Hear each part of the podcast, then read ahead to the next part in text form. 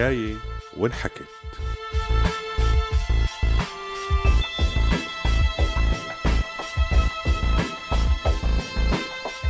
برنامج بيحكي قصص سورية. كملت عنان حياتها مع رفيقها الجديد برونو. رفيق بيشاركها كل تفاصيل حياتها. رفيق بيقدم لها الحب والاهتمام والسعادة وبخليها تفيق كل يوم الصبح وعندها هدف وطاقة. حدا تفيق مشانه. كان رفيق سهراتها وقعداتها ومشاويرها صحيح ممكن بلحظة صوت نباحه يخليها تعصب بس بعدين بحركة وحدة لطيفة منه وهو عم يلعب بخليها تضحك. وبطلت تطلب من ابنها إنه يجي مشان ياخده وتعودت على وجوده أو بالأحرى صارت محتاجة لوجوده. ومرة كانوا عم يتمشوا سوا ومثل عادة برونو سريع الحركة كان يركض قدامها ويرجع لعندها. يرجع يركض وهي تنادي عليه وتقول له لك يا برونو استناني أنا مرة كبيرة ما في إلحقك. وتضحك. بس آخر شي كانت بتتوقع تشوفه هو اللي صار. طلع من باب بناية ولد مراهق لابس بسطار عسكري كبير وشاط برونو شوطة قوية طيرته بالهوا لآخر الشارع. اصطدم بالحيط ونزل على الأرض عم يعوي من الوجع. صوت عواه أول مرة بتسمعه. للحظات وقفت الدنيا عند عنان. كان قلبها حيوقف نفسها انقطع قبل ما تركض بسرعة لعند برونو وهي عم تعيط على الشاب وتقول له لك ليش هيك عملت؟ أنت وحش. لك شو عمل لك الكلب؟ لتشوطه هيك.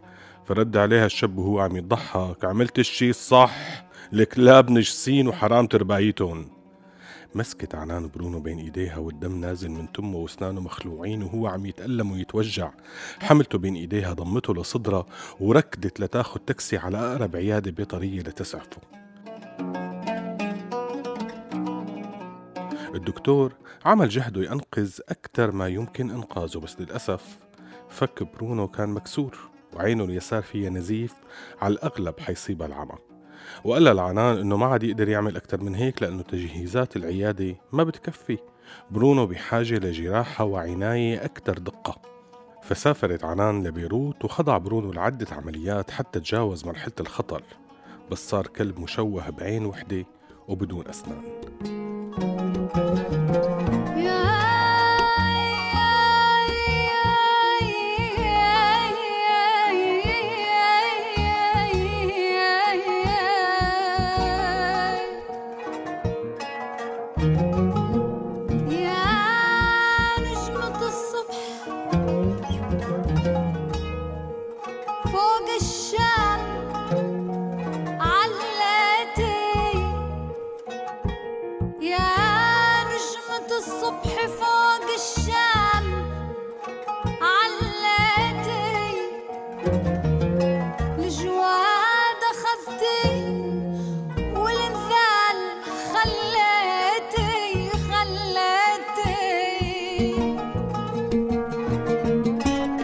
لما بيدخل على حياتنا شيء بيرفع لنا روحنا المعنوية وبيقدم لنا الدعم النفسي المهم بيكون هو ركيزة مهمة لتوازننا.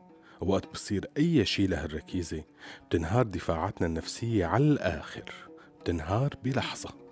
هذا يلي صار مع عنان بعد إصابة برونو. فاتت باكتئاب شديد وصار عندها كره كبير للبشر وتمنت تقدر تنتقم من الشاب يلي آذى برونو. عانت كتير ولوقت طويل بس بعدين قاومت وحاولت تتوازن. ويلي خلاها تفكر بمقاومة الاكتئاب هو برونو. إحساسها بالمسؤولية الكبيرة تجاهه خلاها تفكر فيه أكثر ما تفكر بحالها هلأ هو بحاجتها أكثر من قبل. لازم تهرس له الأكل حتى يقدر يأكل بعد ما فقد أسنانه. لازم تعطيه مسكنات حتى يتحمل الألم يلي عم يحس فيه. لازم تحط المي بإيدها وتشربه منها لأنه ما عاد يقدر يتحرك. صوت أنينو كان يحسسها بذنب كبير وألم بقلبها. كانت طول الوقت عم تعتذر منه من عساوة عالم البشر اللي تسببوا له بهالألم. كانت تسهر الليل جنبه حتى بلش يستعيد عافيته ورجع يتحرك. احتاج وقت حتى يتأقلم مع وضعه الجديد ويتوازن بالمشي بعين وحدة. بس بعد فترة نسي كل شي وما عاد يهمه لا فقدانه لأسنانه ولا عينه ورجع يلعب مثل الأول.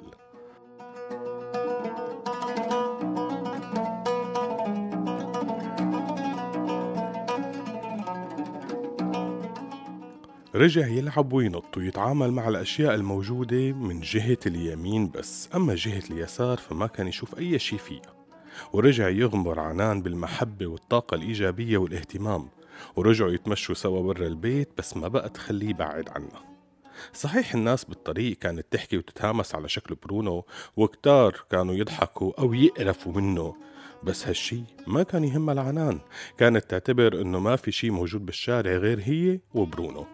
اهتمامها فيه كان أحسن شي بصير معها بهالفترة الفترة. يلي روحها مهمشة ومكسرة لقطع كتيرة. برونو كان هو اللاصق يلي عم يرمم ويجمع هالقطع ليرجعها للحياة.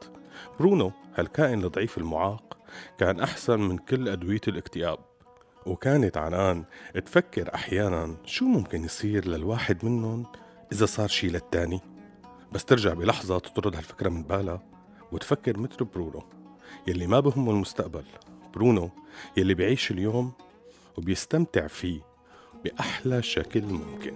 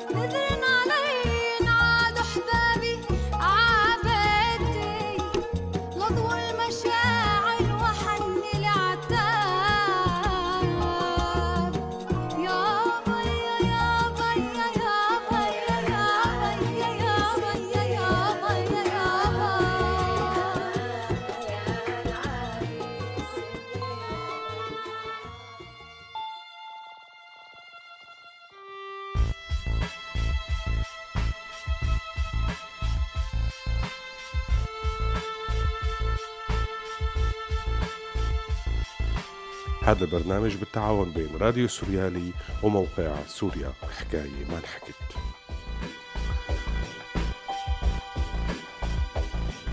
هذا البرنامج من إنتاج راديو سوريالي 2018